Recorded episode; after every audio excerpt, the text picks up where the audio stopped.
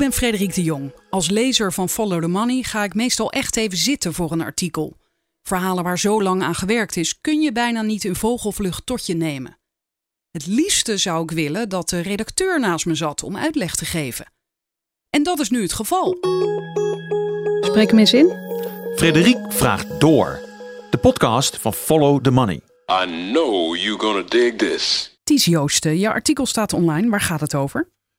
Mijn artikel gaat over Energieflex, een energiemaatschappij die eh, in oktober 2018, dus een paar maandjes geleden, nog maar uh, failliet is gegaan. En uh, ik was nieuwsgierig naar hoe dat nou eigenlijk kan, dat zo'n energiemaatschappij omvalt. Zeker omdat het precies op het moment dat ze omwielen winter begon te worden. Dus de gas- en elektriciteitsvraag van mensen werd hoger. Ik vroeg me eigenlijk af, is het nou toeval of zit daar meer achter? En uh, ja, dat ben ik gaan uitzoeken door uh, alle paparassen die ik kon vinden in te duiken, zoveel mogelijk betrokkenen te spreken. En dat ging vrij soepel? Nou, het is een leuke zoektocht, uh, zullen we zeggen. Nee, het is, het is gewoon, ja, het, ik wist ook nog lang niet alles van hoe deze energiemarkt werkt. Dus dat betreft heb ik veel geleerd. Um, en ja, de jaarrekeningen waar ik bijvoorbeeld eh, een groot deel van mijn verhaal wel op gebaseerd heb, maar die blonken nou niet per se uit in, uh, in, in uitmuntendheid of volledigheid. De, de, informatie was heel sumier. Dus dan is, maakt het wel lastiger natuurlijk, ja. Maar uh, al puzzelend kom je een heel eind. Ik heb nog nooit van Energieflex gehoord. Is dat vreemd? Uh, ja, je had er wel van kunnen horen. Voetbalfans kennen het wellicht. Ze waren een aantal jaar lang shirtsponsor van NEC, voetbalclub in Nijmegen. En ook tegelijkertijd de rugsponsor van NAC Breda. Um, ze hebben een aantal keer de... Uh, oh ja, dat zijn mijn clubs niet. Dat zijn jouw clubs niet. ze hebben een aantal keer de, uh, uh, de, de veiling, daar zullen we straks ook nog wel over komen te spreken, van de Consumentenbond gewonnen. Dus er zijn op collectieve overstapmomenten zijn mensen via de Consumentenbond ook bij Energieflex terechtgekomen. Dus hier en daar hebben ze wel wat aan naamsbekendheid gedaan. Ze hadden uiteindelijk geloof ik 70.000 om en nabij Nederlandse klanten. Oké, ik ga het lezen en dan kom ik zo bij je terug. De titel is Hoe twee zakenmannen met megalomane dromen Energieflex oprichten en om zeep hielpen. Eind oktober 2018 ging Energieflex failliet, waardoor tienduizenden Nederlanders werden gedupeerd. Op zichzelf is het faillissement een logisch gevolg van de liberalisering van de energiemarkt, waarin ondermaats presterende energiebedrijven sinds 2004 mogen omvallen. Maar wie nagaat hoe Energieflex werd opgericht en bestuurd, vraagt zich af of de consument niet beter beschermd had mogen worden. Siva Kandia is een kleine man met flappenoren, met in zijn hoofd duizend ideeën. Als hij een ondernemerskans ruikt, wil hij die pakken. Eigen baas zijn is de kortste weg naar onafhankelijkheid. Vlak nadat hij in 2005 met een diploma Accountancy and Control de Erasmus Universiteit verlaat, besluit hij niet voor een baas te gaan werken, maar zich bij de Kamer van Koophandel in te schrijven als freelancer. Hij verdient de kost met boekhoudklussen bij opdrachtgevers als de gemeente Den Haag, Leen Bakker en het GVB in Amsterdam. Zo houdt hij ruimte om zijn eigen, grotere dromen na te jagen. In die eerste jaren ziet Candia vooral kansen op het gebied van online marktplaatsen. Als bedrijven en consumenten hun waar nu via zijn platforms verkopen, kan hij daar op een kleine marge pakken. In 2010 richt hij daarom de platforms allochtonemarktplaats.nl en onlinebazaar.nl op. Ze worden geen succes. Iemand die Online Bazaar heeft uitgeprobeerd laat op een webforum weten dat de site niet bevalt. Te traag, te weinig bezoekers. Candia laat weten dat Online Bazaar een pilot was. In 2012 gooit hij het over een andere boeg. Met een compagnon richt hij een sportschool in de wijk Almere Poort op. Die compagnon is Sati Sampar afkomstig uit dezelfde Sri Lankaans-Nederlandse gemeenschap als Candia. Sampar heeft technische bedrijfskunde gestudeerd aan de Hogeschool van Amsterdam en werkt al enkele jaren op de afdeling bedrijfsinformatie bij bedrijven als SNS Reaal, Capgemini en Achmea. De sportschool, ze noemen hem FlexFit, weet het hoofd boven water te houden. In 2012, 13 en 14 maakte het bedrijf telkens een bescheiden winst van een paar duizend euro, waardoor het eigen vermogen van bijna 24.000 naar bijna 33.000 euro groeit. Niet gek voor een bedrijf dat ze besturen terwijl ze allebei nog een baan naast hebben. Maar ja, een sportschool in Almere is natuurlijk niet de kortste route naar het grote geld. Candia en Sampar zijn er zelf zo weinig trots op dat ze hun betrokkenheid bij die sportschool op hun LinkedIn-profiel onvermeld laten. Grote jongens hebben geen sportschool in Almere Poort. Ja, is dat zo? Moet je daarvoor schamen voor sportschool? Nou ja, wat mij betreft niet. Dit is eh, het enige bedrijf wat ze wel een succes hebben gemaakt. Dus eh, wat mij betreft hadden ze dit eh, wat hoger van de toren mogen blazen. Maar dat deden ze dus niet. Dat deden ze niet, nee. Maar wat hebben grote jongens dan wel? Ze wikken en wegen en hakken in het voorjaar van 2013 de knoop door. Ze beginnen een energiebedrijf. Nu is het in Nederland makkelijker dan je denkt om een energieleverancier op te richten. Sinds de liberalisering van de energiemarkt in 2004 zijn netbeheerders en energieleveranciers losgeknipt. Je hebt als leverancier dus geen infrastructurele verantwoordelijkheid. Dat is allemaal ondergebracht bij overheidsbedrijven Stedin, Enexis en Alliander. Ook hoef je niet per se zelf energie op te wekken, zolang je maar stroom en gas weet in te kopen bij partijen die dat wel doen. Alles wat je nodig hebt om energieleverancier te worden is een leveringsvergunning van de Autoriteit Consument en Markt, de ACM. Hier ben je wel even tijd aan kwijt, want je moet de nodige formulieren invullen en beloven dat je administratie op orde zal zijn. En je moet ook groen licht krijgen van partijen als Tennet en GasUnie.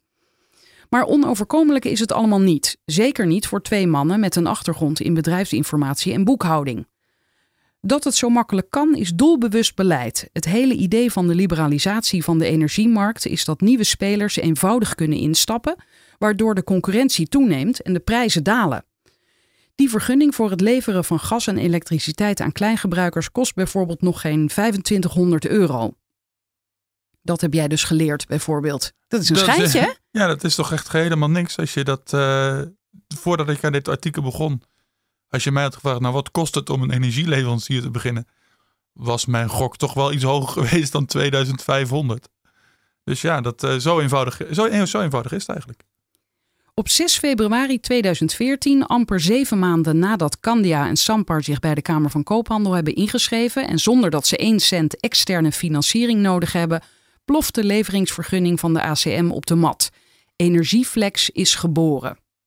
Ja, dat vind ik dus ook zo opvallend dat ze geen enkele cent externe financiering nodig hadden. Dat zou ik ook denken. Je begint een energiemaatschappij, nou, dan zul je vast naar een steenrijk iemand of een bank toe moeten en zeggen: Nou, god, dat, dat wil ik graag. Ehm, kun je me financieren? Ik, ik, ik, ik weet, weet niet goed wat ik daarvan dacht voordat ik hier aan begon, maar dat je dit zonder externe financiering zou kunnen opzetten, ja, dat had ik niet gedacht. Nee, want ze hadden dus eerst die vergunning nodig eh, voor een schijntje, blijkt. Mhm. En wat is de stap daarna? Dan gaan, moet je eerst klanten gaan werven, toch? Ja. Of, maar je moet ook kijken waar je dan eh, gas en elektriciteit vandaan gaat halen. Ja, je moet, dat, je moet het allemaal wel uitzoeken waar je het gaat doen. Maar in principe, als jij eh, een klant krijgt, een klant begint natuurlijk met het betalen van een voorschot. Dus zo kun je jezelf, je, je eerste klant betaalt een voorschot. En zo kun je voor die klant eh, energie gaan inkopen. We zullen het daar dadelijk wat uitgebreider nog over hebben. Maar ja, zo werkt het eigenlijk. Je, je, je, de, hoe zeg je dat nou goed? De baat gaat voor de kosten uit in dit geval. En zo kun je dus zonder externe financiering kun je eigenlijk eh, ja, een energiemaatschappij beginnen. Wij zouden het ook kunnen doen met z'n tweetjes. Ja, ik eh, neem het even in beraad. ja. Op de meubelboulevard van Duiven onder de rook van Arnhem zit mevrouw Koopman, 53 jaar, in het restaurant van de IKEA. Ze wilde hier afspreken omdat de kopjes koffie en thee gratis zijn. Ik wil niet dat je denkt dat we zielig zijn, zegt ze. Dat zijn we niet. We hebben geleerd met een klein beetje geld gelukkig te zijn. We zijn geen slachtoffers. En ik zit hier niet omdat ik denk dat ik nog iets zal terugzien van die 600 euro die wij te veel hebben betaald. Maar ik zou zo graag zien dat dit soort lui met de billen bloot moet. Dat ze niet zomaar wegkomen met het oplichten van mensen. Mevrouw Koopman was klant bij Energieflex. Vanaf het allereerste begin richt het bedrijf zich op consumenten met een kleine beurs. Energieflex is een van de goedkoopste energieleveranciers in de markt en belooft bovendien allerlei bonussen voor mensen die klant worden of die langer dan een jaar blijven. Energieflex richt zich niet alleen op klanten met een kleine beurs, maar ook expliciet op mensen met schulden die hun rekeningen niet kunnen betalen. Reguliere energieaanbieders zijn terughoudend bij het aangaan van een contract met wanbetalers. Voor Energieflex een interessante groep om marktaandeel te verwerven. Candia en Sampar bedenken een concept dat ze prepaid energie dopen. Consumenten kunnen voor 30 dagen stroom en gas kopen. Als dat te goed op is, kunnen ze het opwaarderen. Doen ze dat niet, dan sluit Energieflex via de slimme meter op afstand stroom en gas af. Zo kunnen oplopende betalingsachterstanden en hoge eindafrekeningen voorkomen worden, terwijl Energieflex nauwelijks risico loopt op wanbetalers. Het gevolg is dat veel bewindvoerders die de financiën regelen van mensen met schulden bij Energieflex uitkomen als ze een nieuwe leverancier zoeken voor hun cliënten. Feitelijk worden mensen met schulden aan hun lot overgelaten, zegt Satish Sampar in een persbericht. Wij willen ze juist gaan coachen om hun energiekosten beter te beheersen. Ja, dus het begon met mooie, met goede bedoelingen. Dat werd in ieder geval zo geroepen, ja. Ehm, ik kan me toch ook niet aan de indruk onttrekken dat dit ook gewoon een, een, een mooie uh, groep was om inderdaad ja, marktaandeel te krijgen. Want uh, ja, dit was dus juist een groep die moeilijk aan een energieleverancier kwam. Uh, daarnaast zijn mensen met een kleine beurs, dat is wellicht voorstelbaar, die zijn het, die zijn het snelst geneigd op allerlei vergelijkingssites de goedkoopste te ja. zoeken. Omdat dat, dit zijn de mensen voor wie ieder, ieder tientje telt. Dus door jezelf op een dergelijke manier als prijsvechter in de markt ook te zetten, ja, kun je het snelst aan klantenbinding doen. Dat is ja, natuurlijk ook gewoon, dat is ook het idee erachter probleem is alleen wel dat zij, dat is niet een concept van hun businessplan wat ik niet helemaal in het artikel heb kunnen verwerken, maar ze beloofden dus allerlei kortingen ook, zoals je net voorlas. En ze beloofden ook nog eens een keer spotgoedkope energie. Dus de vraag reist dan een beetje van waar ben je nu eigenlijk geld aan het verdienen? Nou heb ik dat wel een beetje zitten doorrekenen. Eigenlijk hadden zij alleen echt ook uh, geld kunnen verdienen als zij mensen langer vast zouden hebben. Dus als zij, ze beloven mensen een welkomstkorting voor een jaar bijvoorbeeld. En dan vergeven ze die welkomstkorting. En als mensen dan na dat jaar alsnog lid blijven, dan verdienen ze nog niet zoveel op de stroom. Maar dan verdienen ze uh, op andere posten van de energierekening. En bijvoorbeeld de transportkosten en aansluitkosten. Als je dat eerste, als je die kosten eerst weg hebt gegeven als een hele hoge korting, dan ga je dus pas nadat die korting ophoudt, meestal na een jaar en soms drie jaar, ligt een beetje aan het soort contract dat die mensen aangingen. Pas als je de mensen daarna weet vast te houden, dan ga je pas geld verdienen. Maar dat betekent dus dat je enorm veel moet investeren in het vasthouden van die mensen. En dat hebben ze ook nauwelijks gedaan. Dus zo, dat is nog eens een extra reden waarom uh, ja, uiteindelijk om is gevallen. Maar een energiemaatschappij die de slimme meter gebruikte om op afstand je gas en elektriciteit af te sluiten, daar worden nogal wat kanttekeningen bij geplaatst. Het voedt het wantrouwen tegen de slimme meter, die door vragen over privacygevoeligheid toch al niet zo lekker ligt in Nederland. Daarom zet minister Henk Kamp in november 2014 een streep door de mogelijkheid voor energieleveranciers om de levering van gas en elektriciteit op afstand af te sluiten. Ai, dat was een, eh, een deel van hun plan juist, van hun businessplan. Ja, dat was uh, vervelend. Oh ja, je schrijft ook een tegenslag voor Candia en Sampar, maar ze besluiten zich als prijsvechter te blijven richten op de onderkant van de markt. Ze hebben een idee waarmee ze denken alle grote leveranciers van Nederland te slim af te zijn. Een idee dat hen moet verzekeren van stroom en gas tegen veel lagere kosten dan die van andere partijen. Aan dit idee zullen ze uiteindelijk ten onder gaan. Om hun opzet te begrijpen moeten we eerst uitleggen hoe reguliere partijen aan hun stroom en gas komen. Nou, laat me heel even daar ingrijpen. Of niet ingrijpen. Sorry, ik wil je niet nee. ingrijpen. nee, doe maar. Grijp maar even in. Dit kan zo niet langer. Nee, het kan zo niet langer. Nee, het enige wat ik wilde zeggen. We gaan nu in het stuk beginnen waar ik zelf persoonlijk het meest van heb geleerd. Ik wist helemaal niet zo goed hoe dit gedeelte van de energiemarkt werkte. Oké, dus er uh, komt nu even een college. Er komt nu een klein college, bereid je lekker voor. Maar ik heb hier dus, zo werkt het dus in de energiewereld. Oké, let op mensen. Stel, mevrouw Koopman was klant geworden bij een normale energiemaatschappij. Het eerste wat haar nieuwe energiemaatschappij doet, is haar adres opzoeken in het Centraal Aansluitingenregister. Dat is een grote landelijke database waarin het gemiddeld jaarverbruik van alle woningen in Nederland is opgeslagen. Aha, zien ze. In de woning van mevrouw Koopman wordt jaarlijks 4000 kilowatt stroom en 1500 kubieke meter gas verbruikt. Vervolgens koopt de energiemaatschappij die hoeveelheid stroom en gas voor de komende jaren op de energiemarkt aan. Ze zeggen dan tegen energieproducent, soms zijn ze dat zelf, soms is dat een ander, volgend jaar willen we van jullie deze hoeveelheid stroom en gas afnemen. De prijs die haar energieleverancier daarvoor aan de energieproducent betaalt, noem je de lange termijn energieprijs oftewel de forward price. Dit proces, waarbij de lange termijn energievraag wordt afgedekt door lange termijn energie aankopen, noem je het afdekken van risico's, oftewel hedgen. Wat er dan overblijft zijn de risico's op de korte termijn.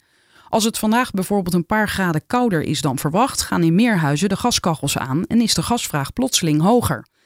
Een energiemaatschappij moet dan snel extra gas op de energiemarkt kopen, of, als het plotseling een paar graden warmer is, gas op de energiemarkt verkopen.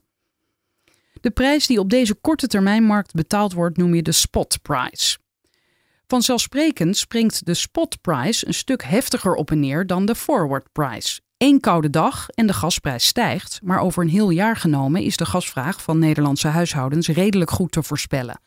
Een professionele energiemaatschappij zorgt er daarom voor dat korte en lange termijn risico's zo goed mogelijk op elkaar zijn afgestemd en heeft daarvoor tientallen marktanalisten en handelaren in dienst. Het is goed te beseffen dat spot prices niet per se hoger liggen dan forward prices. Op een heldere zonnige winterdag met flinke wind zal veel duurzame energie beschikbaar zijn vanaf de Noordzee, terwijl de lampen in huis uit zijn. Het energieaanbod is dan relatief hoog en de vraag is klein. De spotprijs voor elektriciteit kan dan juist lager zijn dan wat een energieleverancier een jaar geleden moest betalen. De afgelopen jaren was dat geregeld het geval. Door een combinatie van factoren lag de spotprijs vaak lager dan de forward price. Een van die factoren, er worden steeds meer windmolens en zonnepanelen geïnstalleerd, waardoor de spotprijs fors kan dalen als het flink waait of de zon goed schijnt. Als het heel hard waait, wordt de elektriciteit soms zelfs tegen negatieve prijzen op de markt aangeboden. Wie dan stroom afneemt, krijgt geld toe. Zie daar het idee van Candia en Sampar. Zij zagen in 2014 en 2015 dat de spotprijs al een tijdje onder de forward price lag en besloten vrijwel geen energie meer in te kopen op de lange termijnmarkt, maar alles wat ze nodig hadden op de spotmarkt te halen. Dan zijn de kosten lekker laag en maakt Energieflex een mooi rendement. Candia ontkent per mail dat de inkoopstrategie bij Energieflex anders was dan bij de concurrenten. Hij zegt de contracten zijn zoveel mogelijk conform de marktwijze ingekocht en hierbij is niet anders gehandeld dan hoe het is binnen de sector. Hij wilde jou dus wel te woord staan. We hebben een korte mailwisseling gehad. Namelijk deze zin of iets nee, langer? wel iets langer. De mail staat ook uh, integraal uh, afgedrukt onderaan het artikel op follow Um, dus daar kan je hem teruglezen. Okay. Um, en dit is een, een, onderdeel van die e-mail. Ja. Iedereen met enig verstand van de energiemarkt weet dat het niet afdekken van de lange termijn risico's een gigantische gok is met de voorschotten van je klanten als inzet. Ook binnen Energieflex, dat in 2015 ongeveer 15 werknemers had, lopen mensen rond die het speculatieve karakter van de inkoopstrategie konden doorzien. Daarop besluiten Candia en Sampar hun inkoopstrategie in een andere BV onder te brengen, Flexnet Energie.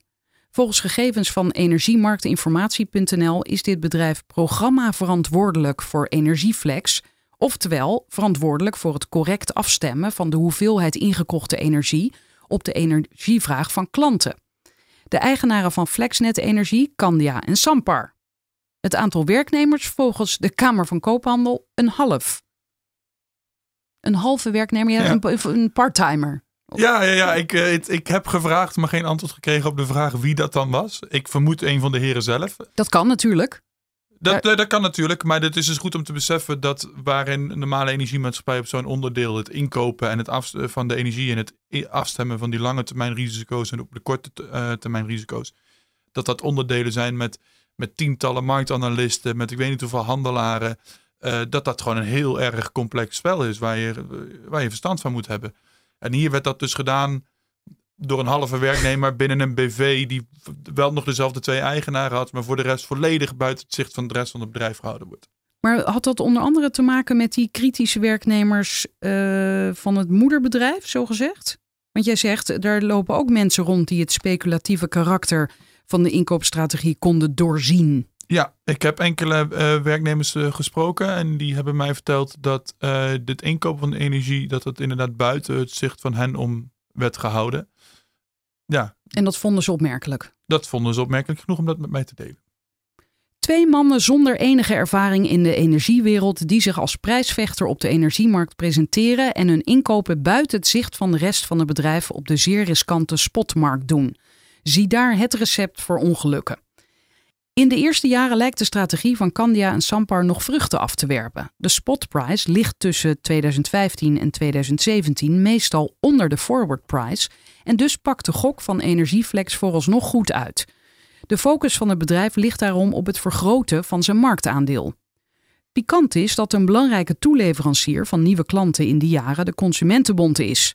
Elk jaar organiseert die namelijk het Energiecollectief, een overstapmoment waarbij mensen zich gezamenlijk bij een nieuwe energieleverancier kunnen aanmelden.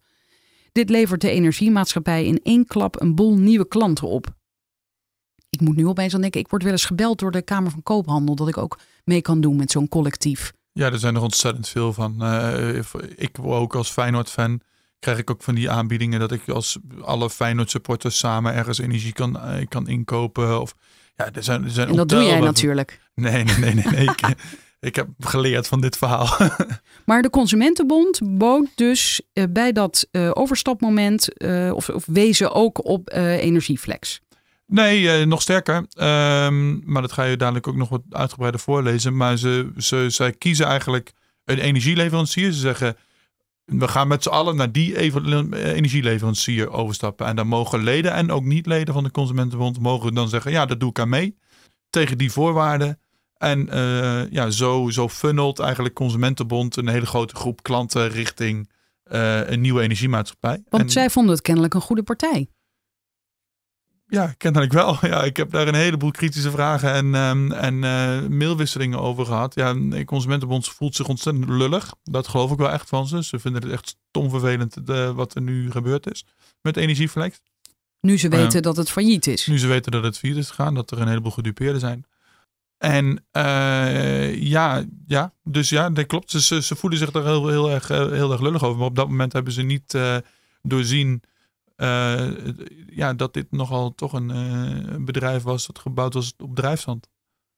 Een boel nieuwe klanten, dat wil elke energiemaatschappij wel. Daarom zet de Consumentenbond een paar maanden voor het overstapmoment een veiling op waarbij geïnteresseerde energieleveranciers moeten aangeven tegen welke voorwaarden ze de Consumentenbondleden van energie zullen voorzien.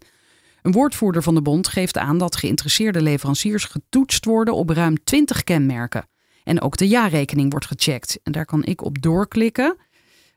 Dan schrijf jij hier: met die jaarrekeningen is iets vreemds aan de hand. Wat was er aan de hand dan? Ja, nou, uh, wat er aan de hand was, is dat zeg maar, kleine bedrijven hoeven uh, strikt genomen geen uh, goedkeuring van een externe accountant te hebben. een groot bedrijf moet dat wel hebben. En in 2014 en 2015 was Energieflex nog een klein bedrijf. Je noemde net ook al het aantal. In 2015 hadden ze grofweg 15 FTE. Dan ben je niet zo'n groot bedrijf. Dus ze hadden die goedkeuring van de accountant niet nodig. Dus die goedkeuring stond ook niet in de jaarrekening die de Consumentenbond kon downloaden op de website van de Kamer van Koophandel. Toch ben ik achteraf achtergekomen, is in 2014 en 2015 die jaarrekening wel degelijk gecontroleerd door een externe accountant. Er heeft wel een accountant naar gekeken en die heeft zich daar ook bijzonder kritisch over uitgelaten. Uh, dat heeft hij opgesomd in een management letter. Nou, die management letters zijn uh, geheim. Um, maar via een omweg heb ik toch delen daarvan kunnen lezen. Je kan daar um, niks over onthullen, zeker, hoe je die omweg uh, hebt oh, jawel, oh, jawel, oh. jawel. Nou, er is, er is een, in, in een uh, groot rapport dat ACM op, uiteindelijk na, na, in 2017, 18 pas heeft, uh, heeft laten uitvoeren. Daar staan delen van, de, van die managementletter in, in te lezen. En zo kwam ik erachter van, hey, hier heeft wel degelijk een accountant naar gekeken. En die accountant is, was bijzonder kritisch. Sterker nog, die heeft zelfs zijn goedkeuring niet over die jaarrekening oh. willen uitspreken. Die heeft gezegd, eigenlijk zegt hij dan, maar dat is journalistentaal voor het accountants zeggen, maar die zei, hij zei eigenlijk, dit is niet goed genoeg. Ik kan niet, ik kan niet instaan voor deze cijfers. En dat is dus het vreemde. En dat hebben ze gewoon niet opgenomen in de jaarrekening zoals ze hem hebben gedeponeerd bij de Kamer van Koophandel. Wat de Consumentenbond zag, was een jaarrekening waar volgens hun geen accountantscontrole nodig was. Terwijl die wel degelijk uitgevoerd was, die accountantscontrole. En zelfs waar geen goedkeuring voor gegeven was. Maar ze hebben dat, dat, dat hele gedeelte daarvan hebben ze gewoon buiten de jaarrekening gehouden. Dus zo zag de Consumentenbond iets waarvan ze dachten, ah, hier was geen, was geen controle nodig. Terwijl die controle wel degelijk uitgevoerd was. Dus sterker nog ook met een negatief resultaat. Ja, en je schrijft hier, uh, scoren ze overal een voldoende, in die jaarrekeningen dus, dan Mhm. mogen ze meedoen met die veiling en wint degene die de leden van de Consumentenbond de laagste prijs belooft. Een win-win-win situatie, redeneert de bond. De leverancier krijgt een ris nieuwe klanten, de leden een scherpe prijs en de Consumentenbond een overstapvergoeding van ongeveer 50 euro per klant. Energieflex wint die veiling van de Consumentenbond in 2016 en ook in 2017. De piepjonge energieleverancier verkrijgt via de bond in totaal 20.000 nieuwe klanten. En dat is dus bijvoorbeeld ook om dat businessmodel nog een keer uit te leggen. Dus van die 20.000 nieuwe klanten uh, hadden ze dus al 50 euro per klant aan de Consumentenbond beloofd. Dus moet je eens kijken wat dat alleen al een kostenpost is. Als die mensen na een jaar weer weggaan en je biedt uh, uh, energie aan tegen groothandelsprijzen, tegen zeg maar, absoluut laag, laag tarief, ja, hoe verdien je dan geld? Toch vieren zij in 2016, schrijf jij hier, een ander hoogtepunt. Energieflex wordt hoofdsponsor van de Nijmeegse voetbalclub NEC en betaalt daar volgens sportmarketingbureau Sportnext zo'n 400.000 euro per jaar voor. Waar, waar haalden ze dat vandaan? Ja, dat komt allemaal uit de voorschotten die die mensen hebben betaald. Wij zien de stad Nijmegen als een prima locatie om onze landelijke ambities te realiseren, zegt Candia op de persconferentie. Terwijl de voetballers Gregor Breinburg, Dario Dumic en Wojciech Gola, zeg ik de naam goed? Perfect. lachend achter hem staan in hun nieuwe tenue. De ambities van Candia en Sampar strekken tot over de landsgrenzen. Vanaf de zomer van 2016 bereiden de twee een uitbreiding naar het Verenigd Koninkrijk voor. Onder de naam One Select Energy schrijven ze een nieuwe energiemaatschappij in het Engelse handelsregister bij. Energie tegen groothandelsprijzen beloven ze. De directie bestaat ook nu uit Candia en Sampar. Aan de voorkant ziet het er allemaal florisant uit, maar aan de achterkant lijken de twee hun bedrijf steeds meer als persoonlijke pinautomaat te zien. Aan alle kanten loopt er geld uit, met name naar nevenprojecten.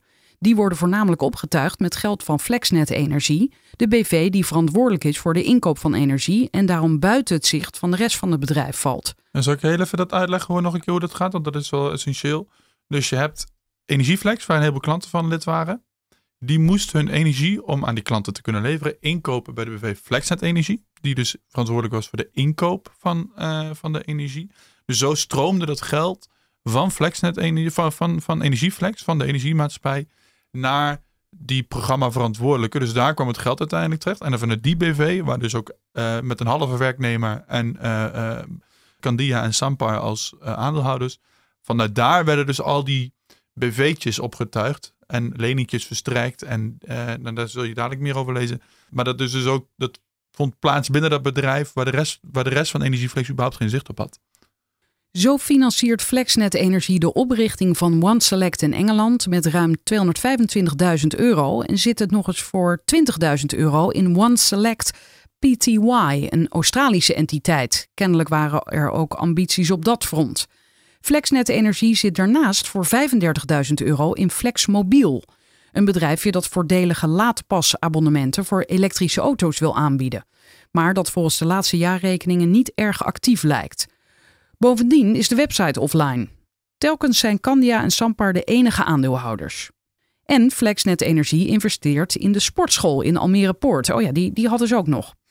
Halverwege 2016 koopt Flexnet Energie het pand waarin FlexFit nog altijd is gevestigd voor bijna 1 miljoen euro. De financiering komt van Flex Vastgoed. U raadt het al, alweer een BV van Candia en Sampar. Via Flexnet Energie. Per mail laat Candia weten dat deze lening inmiddels is terugbetaald aan de BV die me verstrekte. Flex Vastgoed. Jazeker, Flex Vastgoed heeft Candia en Sampar als enige aandeelhouders.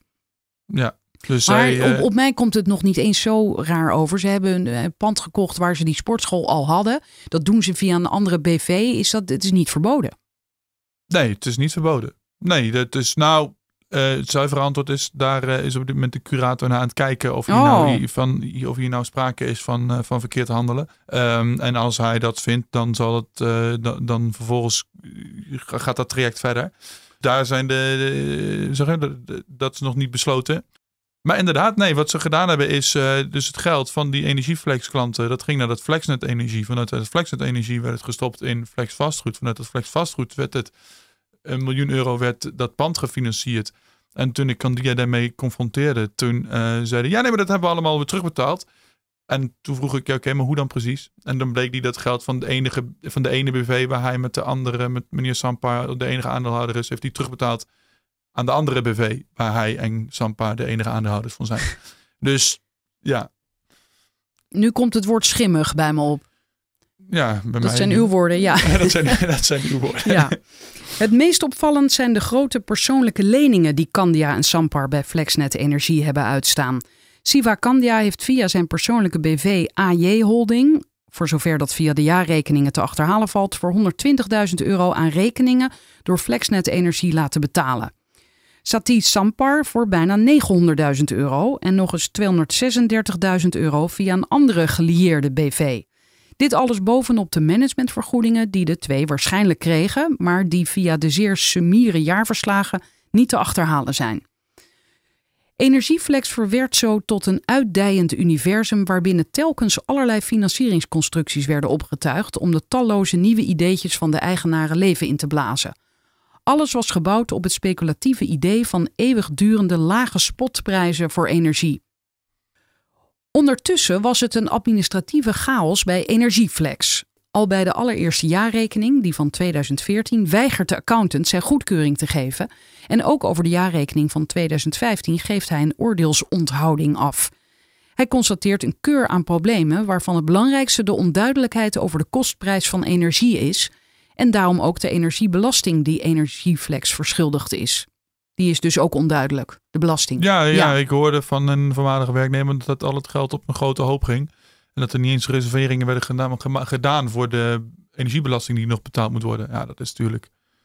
Ja, dat zou ik, zo zou ik mijn energiemaatschappij niet inrichten als wij dit nou samen gaan ja, doen. Ja, we zijn, ja, we zijn nog in de brainstormfase. ja. Eind 2016 bereiken signalen over de administratieve janboel bij Energieflex ook de ACM. Die besluiten controle uit te voeren. In totaal komt de ACM driemaal langs, in december 2016 en in april en juli 2017. Het verslag dat daarover op 30 oktober 2017 verschijnt, leest als een schertsvertoning. Het oordeel van de controlerend ambtenaren over de administratieve en financiële administratie onvoldoende. Hun oordeel over de afdeling verkoop onvoldoende. De manier waarop meterstanden bij de klanten worden uitgelezen onvoldoende. De facturatie onvoldoende. Het bijhouden van de hoeveelheid duurzame energie onvoldoende. De registratie van verkoopcontracten onvoldoende hebben ze ergens nog een voldoende gegeven of niet? Nee, niet echt. Nee. Neem deze passage uit dat rapport. Energieflex is niet in staat gebleken om een sluitend verband te leggen tussen de ingekochte hoeveelheden energie en de daaruit voortvloeiende inkoopbedragen enerzijds en de verkochte hoeveelheden energie en de daaruit voortvloeiende verkoopbedragen anderzijds. In lekentaal, het is volstrekt onduidelijk waar Energieflex zijn gas en elektriciteit vandaan haalt en wat het ervoor betaalt. Helaas houdt het onderzoek van de ACM daarop en zoeken de ambtenaren niet uit hoe Energieflex zijn risico's afdekt. Hadden ze dat wel gedaan, dan was wellicht zichtbaar geworden welke speculatie er onder het businessmodel van het energiebedrijf verscholen ging. Helaas groeven de ambtenaren niet zo diep. Energieflex krijgt zes maanden de tijd om orde op zaken te stellen. Was op dat moment de stekker uit Energieflex getrokken, dan had dat de klanten vermoedelijk veel geld geschild. De spotprices beginnen lopend het onderzoek van de ACM te stijgen. Dat heeft diverse oorzaken. In België vallen een aantal kerncentrales uit, waardoor de stroomvraag langdurig hoog wordt. Ondertussen loopt het bedrag dat energiemaatschappijen moeten betalen om een ton CO2 te mogen uitstoten langzaam maar zeker op. Bovendien stuwen Brexit en Trump de energieprijzen op. En die stijging zet door. Tussen de dag dat de ACM haar vernietigende rapport publiceert en het faillissement van Energieflex een jaar later verdubbelen de spotprices voor elektriciteit zowat. De gasprijzen stijgen in diezelfde periode met bijna de helft. De gok die Candia en Sampar namen door zich vrijwel volledig afhankelijk te maken van de spotmarkt, keert zich nu tegen hen. Hadden ze hun risico's een jaar geleden afgedekt, dan waren ze nu veel minder geld kwijt geweest. Niet dat de klanten van Energieflex dat meteen merken. Zij betalen net als iedereen een vast bedrag per maand voor hun energie. Hierdoor betaal je in warme lente- en zomermaanden meer dan je daadwerkelijk verbruikt en in de koude herfst- en wintermaanden minder. In feite is een maandbedrag een voorschot. Pas aan het einde van het jaar worden de meterstanden opgenomen en volgt de eindrekening. Maar de klanten van Energieflex bouwen in de lange hete zomer van 2018 geen voorschot op dat ze de winter kan doorhelpen. Het geld dat zij elke maand overmaken is direct nodig om de energie die ze verbruiken op de spotmarkt te kunnen inkopen. Het is een ongeluk in slow motion. Voordat de maanden kouder worden, moeten de energieprijzen drastisch zijn gedaald. Anders heeft Energieflex niet genoeg in kas om aan de energievraag van zijn klanten te voldoen. Maar de prijzen stijgen juist verder. Als het kwik in oktober begint te dalen, wordt duidelijk dat Energieflex niet langer aan zijn verplichtingen kan voldoen. De ACM trekt op 15 oktober de leveringsvergunning in. Elf dagen later spreekt de rechter het faillissement uit. Energieflex, leverancier van stroom en gas aan 72.000 Nederlanders, is niet meer. Zes weken later valt ook One Select Energy om, waardoor 36.000 Britten hun energieleverancier verliezen. Oh, ik dacht dat het artikel hiermee stopte, maar er is nog een epiloog. En hier is een kader waarin jij, even kijken, je hebt vragen gesteld aan die uh, autoriteit uh, Consumenten en Markt. Ja. Uh, over de leveringsvergunning en het faillissement. Ja, wat ze eigenlijk zeggen. Uh, kijk, ik wilde natuurlijk een voet tussen de deur krijgen. Ik, wilde, ik stelde eigenlijk gewoon de vraag van... hey, kun je niet heel makkelijk aan zo'n leveringsvergunning komen in Nederland? En hadden jullie niet een beetje beter onderzoek moeten doen op het moment dat het verkeerd aan het gaan was? Dat was, dat was plus geachte heer mevrouw erboven. dat, was, dat was mijn vraag. En ik vind op zich dat ze wel um, met een terecht goed antwoord komen. Ja, zij zeggen eigenlijk dat de dingen waarop ik heb gecontroleerd. Van bijvoorbeeld deze jongens die deze energiemaatschappij zijn begonnen, hadden helemaal geen ervaring. Had dat niet een eisen, hadden die dat niet kunnen checken. En zij zeggen, ja, wij zijn een uitvoerende instantie. Als de politiek wil dat wij de achtergrond van de aanvragers checken, dan moet de politiek dat opnemen. Maar wij kunnen niet eigen, eigenstandig ineens allemaal onderzoekjes gaan uitvoeren. Dus zou, zij... zou het kunnen dat de politiek daar destijds niet toe besloten heeft, omdat ze juist inderdaad die liberalisering op gang wilden brengen en dachten, nou ja, laat maar even kijken wat er gebeurt. Ja, dat is ook mijn. Nou, laten we maar even kijken wat er gebeurt. Het is in ieder geval mijn analyse dat die, uh, uh, dat die liberalisering van de energiemarkt, die moest natuurlijk, uh, dat, dat, dat, dat, dat moest gewoon gebeuren. Dat was een, dat, dat was een grote wens op dat moment. En als je dan te veel regels maakt, dan, dan, dan treedt misschien te weinig of niemand toe. Precies, het idee, het, het, het, de, theorie achter liberalisering is, dan maken we de drempels laag. Dan kunnen er veel toetreders komen en dan dalen de prijzen. Dat is de, de, de, want dan is er meer concurrentie. Dat is de, de theorie erachter. Dus dan ga je niet hele hoge toetredingseisen stellen, zodat het aantal toetreders laag wordt. Dus die eisen, ja, er zijn niet, er zijn, ja. Oké, maar de ACM zegt terecht, ja, die, die opdracht hebben we niet, dus die kunnen we ook niet uitvoeren. Precies, dat is de argument van de ACM, ja. En dan volgt hier jouw epiloog. Toen Energieflex failliet ging, traden automatisch een aantal regelingen in werking. Allereerst werden de klanten voor de periode van een maand toegewezen aan een nieuwe energieleverancier, die ervoor moest zorgen dat er voldoende elektriciteit en gas werd ingekocht en nergens in Nederland het licht of de verwarming uit zou gaan.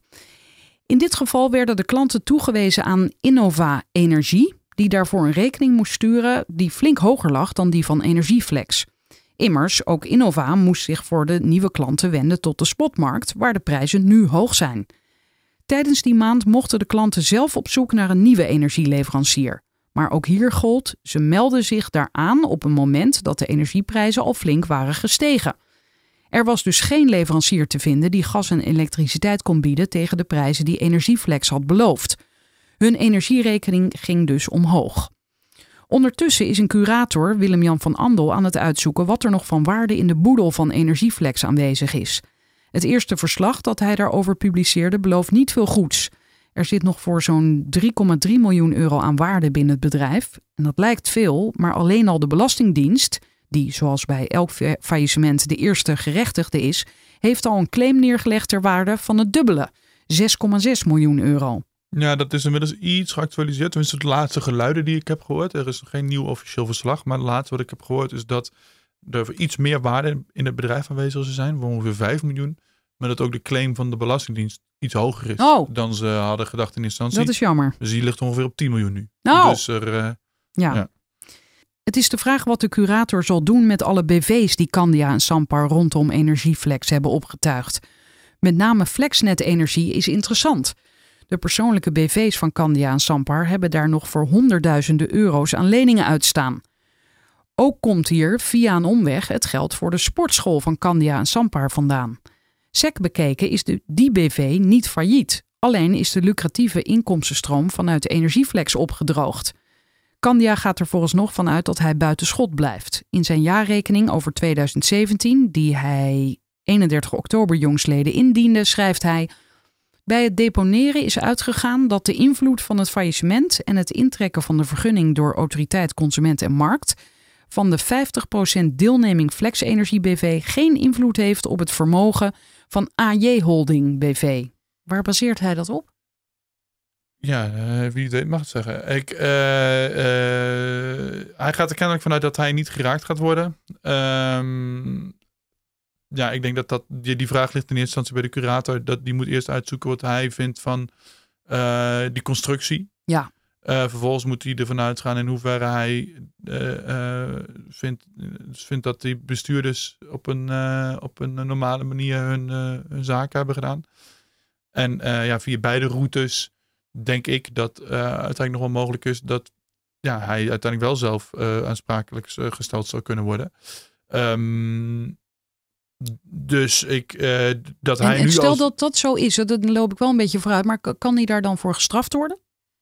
Nou, wat er in ieder geval gebeurt, kijk, als die BV, eh, eh, waar we het een paar keer over gehad hebben, die het Flexnet Energie, die inkoop, dat inkoopbedrijf, van nou, die BV zijn dus alle, ehm, al die andere BV'tjes opgedracht en al die leningen. Dus ook die leningen aan die persoonlijke BV van, eh, van, van eh, Sampar en Candia. Eh, dat, die loopt vanuit dat Flexnet Energie. Maar op dit moment is dat Flexnet Energie dus niet, officieel niet failliet. Dus daar is ook niks te halen. Die BV, die BV bestaat Nee. nog gewoon. Maar op het moment dat een curator zegt, van, ja, luister eens even, dit is eigenlijk gewoon één bedrijf. Ja, dan ontstaat natuurlijk wel een route dat gewoon die, die lening ja, gewoon wel terugbetaald gaat moeten worden. Of dat dat gewoon onderdeel wordt van de boedel. Ja, dus dan Eh. eh, zou die, zouden ze financieel gestraft kunnen worden. Ja, het zou kunnen hè. Misschien is het wel een vraagteken. De kans dat de voormalige klanten van Energieflex iets van hun geld zullen terugzien is nihil. Met 72.000 aansluitingen en een betaald voorschot van vaak honderden euro's per gezin, beloopt het bedrag dat de voormalige klanten te veel hebben betaald waarschijnlijk dik 10 miljoen euro. Zoveel is er vast niet meer te halen bij Candia en Sampar. Mevrouw Koopman vindt de gang van zaken weinig bevredigend. Het liefst zou ik met een grote groep gedupeerden of een consumenteninstantie die Candia en Sampar aanklagen. Deze mannen kunnen zo weer een energiebedrijf of iets anders beginnen, waarmee ze gaan speculeren met het geld van klanten. Voor hen is het immers heel lucratief geweest en het heeft geen consequenties voor hen. Het is dat ik wel een geweten heb, anders begon ik ook zo'n bedrijf. Ja, nou ja, zij weet ook natuurlijk nog niet. Zij spreekt ook op het moment waarop nog niet alles duidelijk is en eh, ook niet of ze gestraft gaan worden. Ja, ja, het is de vraag welke gevolgen dit nou gaat krijgen. Ja, dat is nog een proces dat gaande is. En dan heb je hier onderaan je artikel inderdaad eh, die mails van eh Candia met zijn reacties. Ja, je begint hier, ik heb hem een aantal vragen gesteld. Ehm Candia stelde we ook vragen. We, zeg je hier opeens? Jij, toch? ja we, we, ja, eh, follow the we money. van Follow the Money. We ja. van Follow the Money. Stelde hem ook vragen over zijn verleden bij ABN AMRO, van wie hij het logo gebruikte op zijn LinkedIn-profiel, maar waar hij volgens de bank nooit heeft gewerkt. Nou, wat is dit nu weer? Ja, nou ja, goed dat je het aansnijdt. Dank je. is iets wat ik niet in het eh, artikel heb verwerkt, omdat ik hier uiteindelijk geen uitsluitsel over kreeg. Ik zag dat hij het logo gebruikt van ABN AMRO op zijn LinkedIn. En ik eh, k- kon nergens in zijn achtergrond vinden dat hij daar had gewerkt. Vervolgens heb ik dus ABN AMRO contact gezocht. Ik zeg, hey, deze meneer gebruikt jullie logo. Eh, Klopt dat? Heeft, hebben jullie gewerkt? Heeft ABN AMRO... In eerste instantie zei ABN AMRO, nee, dat heeft hij niet. Niet als werknemer. Nou, daarmee confronteerde ik eh Candia weer. Je zegt, eh ABN AMRO, hey, je hebt helemaal nooit bij ABN AMRO gewerkt. Al dus de bank zelf. En toen beweerde hij van wel. Hij zei, dat is mijn eerste freelance klus geweest. En LinkedIn heeft automatisch het logo daarvan gepakt. Dat heb ik weer bij de ABN AMRO eh, neergelegd. En daarop zei ABN AMRO, nou, als dat voor 2010 is geweest... dan kunnen wij op dit moment niet controleren of dat zo is. Dus Want ze hebben alle data gewist. ja, ik, waarom dat dan weer zoiets is, dat was te veel moeite. Dus zij konden mij geen uitsluitsel daarover geven. Daarom wilde ik dat niet in het verhaal zetten. Nee, snap ik. Maar omdat ik wel die hele mail integraal wil afdrukken. En hij dus in die mail ineens over ABN AMRO begint. Oh, dacht daarom. ik, ik moet wel ja. even uitleggen in de, iets boven van... hey, ik heb hem hier vragen over gesteld. Anders snap, je, anders snap je als lezer niet wat je aan het lezen bent. Dus Oké, en dat is die eerste mail. En dan is er nog een tweede mail. Nou, hij is in ieder geval not amused, zie ik als ik even snel zo naar die nee, zinnen kijk. Hij zegt wel met vriendelijke groet trouwens. Wat zegt hij hier nou bijvoorbeeld? Bovenin. Allereerst wil ik u adviseren om uw conclusies op basis van feiten te baseren en niet slechts door geruchten van mensen. Ja, ik weet niet zo goed waar hij dat vandaan heeft of wat hij daaraan precies refereert. Ehm, al mijn, eh, alles wat ik opschrijf kan ik eh, staven. Ik heb het allemaal eh, of uit openbare bronnen of minstens twee verschillende bronnen. Ik heb het van voormalige werknemers, ik heb klanten gesproken. Eh, ja, wat ik zeg, eh, onderzoeken van de ACM. eh, Ja, anders zijn ga je het ook niet zomaar publiceren natuurlijk als je nog geen bewijs niet. hebt. Nee, Maar hij zegt hier ook, bij een faillissement zijn er altijd partijen die schade lijden. Dat zal ook in dit geval zo zijn. Als een retailer failliet gaat, dan zitten mensen met waardeloze cadeaubonnen of aanbetalingen waarvoor ze niets terugkrijgen. Zo zullen er bij Energieflex ook wel mensen zijn die een tegoed hebben. Dat het om tienduizenden euro's gaat is onzin. Of tienduizenden mensen. Ik zou zeggen, wacht het verslag van de curator af. Daarin staat hoeveel schuldeisers er zijn. Heeft hij daar niet een punt? Ja, nee, natuurlijk heeft hij daar een punt. Maar ik, eh, eh, ik heb genoeg mensen gesproken. Er gaan gewoon heel erg veel slachtoffers zijn. En ik vind dit eigenlijk heel veelzeggend hoe hij hier eh, reageert op, op mij en op zijn voormalige klanten. Hij zegt eigenlijk, ja joh, goh, een faillissement, zullen waar gehakt wordt, vallen Spaanders. Ja, je richt hier, ja, hij vergeet volgens mij helemaal wat hier is gebeurd. Hij richt zich met zijn bedrijf specifiek op mensen met een kleine portemonnee voor wie ieder tientje kostbaar is. Vervolgens zijn er een heleboel mensen die voor honderden euro's het schip ingaan. Die gewoon hun voorschotten kwijt zijn. En vervolgens zegt hij van ja, ach joh. Een faillissement. Dat is altijd een. eh, er zullen altijd slachtoffers blijven zitten. Ja, dat is feitelijk. Klopt dat? Ja, dat is zo. Maar ja, dat vind ik nou niet per se je beste verweer. Als ik eh, zo eerlijk mag zijn. Eh, Hebben ze nu die sportschool nog wel? Ja, die bestaat dus nog gewoon. Ja, daar kun je naartoe. Flexfit nou, in daar Almere kun je naartoe, ja. Maar eh, de- niet, hoor, verdienen ze daar nog eh, geld mee? Volgens de laatste jaarrekeningen wel. Niet veel. Wel een beetje. Eh, er zit natuurlijk nu een hele eh, flinke schuld. Omdat ze dat pand hebben aangekocht. Die schuld staat dus weer uit bij nu dan denk ik Flex vastgoed. Maar ja, nee, daar, daar wordt eh, in principe, eh, voor zover ik kan nagaan, is dat gewoon een, eh, ja, een sportschool. Dat is geen, geen, geen, daar worden geen miljoenen verdiend. Maar daar wordt. Nee, maar ik vind het wel mooi omdat je aan het begin zegt... de grote jongens hebben geen sportschool. Maar de grote slash kleine jongens zijn nu weer terug bij de sportschool. Ja, hoewel ik niet zo goed weet of ze er zelf nog een actieve rol Hmm. vervullen. Ze zijn wel, ze, de- ik denk niet dat ze er zelf nog eh eh, spinning classes aan het geven zijn. Oh, ze gaven ook les zelf. Oh nee, dat weet ik niet. Nee, Nee, nee, ik heb geen, idee- geen En, idee wat ze ehm, daar zelf nu nog doen. Nee. En eh, mevrouw Koopman, die zou het liefst iets met een groep ondernemen. Gaat dat gebeuren? Weet ik nu nog niet. Ehm, de- ik denk dat dat veel afhankelijk is van het eh, komende eh, verslag en het eindverslag van de curator. Dat is duidelijk wordt hoeveel slachtoffers hier nou zijn. En ook in hoeverre hij eh, ja, aansprakelijkheid eh, eh, van Candia en eh, Sampar eh, de aansprakelijkheid ziet. Ehm, ja, dan wordt veel meer duidelijk wat de opties zijn. En wanneer is dat? Het komende verslag zal ergens in de komende week eh, gepubliceerd worden. En dan ergens na de zomer, eh, laten we zeggen Q3, komt denk ik het eindverslag. Kan zelfs Q4 worden. Dat is, eh, dat is vrij veel werk. Dus dat duurt nog even. Het derde of vierde kwartaal van dit jaar. Ik heb Nou- bij Blendel gewerkt, hè, dan zeggen we Q3, Q4. Dankjewel, Ties. Graag gedaan. Wil je weten wanneer een nieuwe aflevering online staat? Schrijf je in voor mijn nieuwsbrief. Die vind je bij ftm.nl slash Frederiek.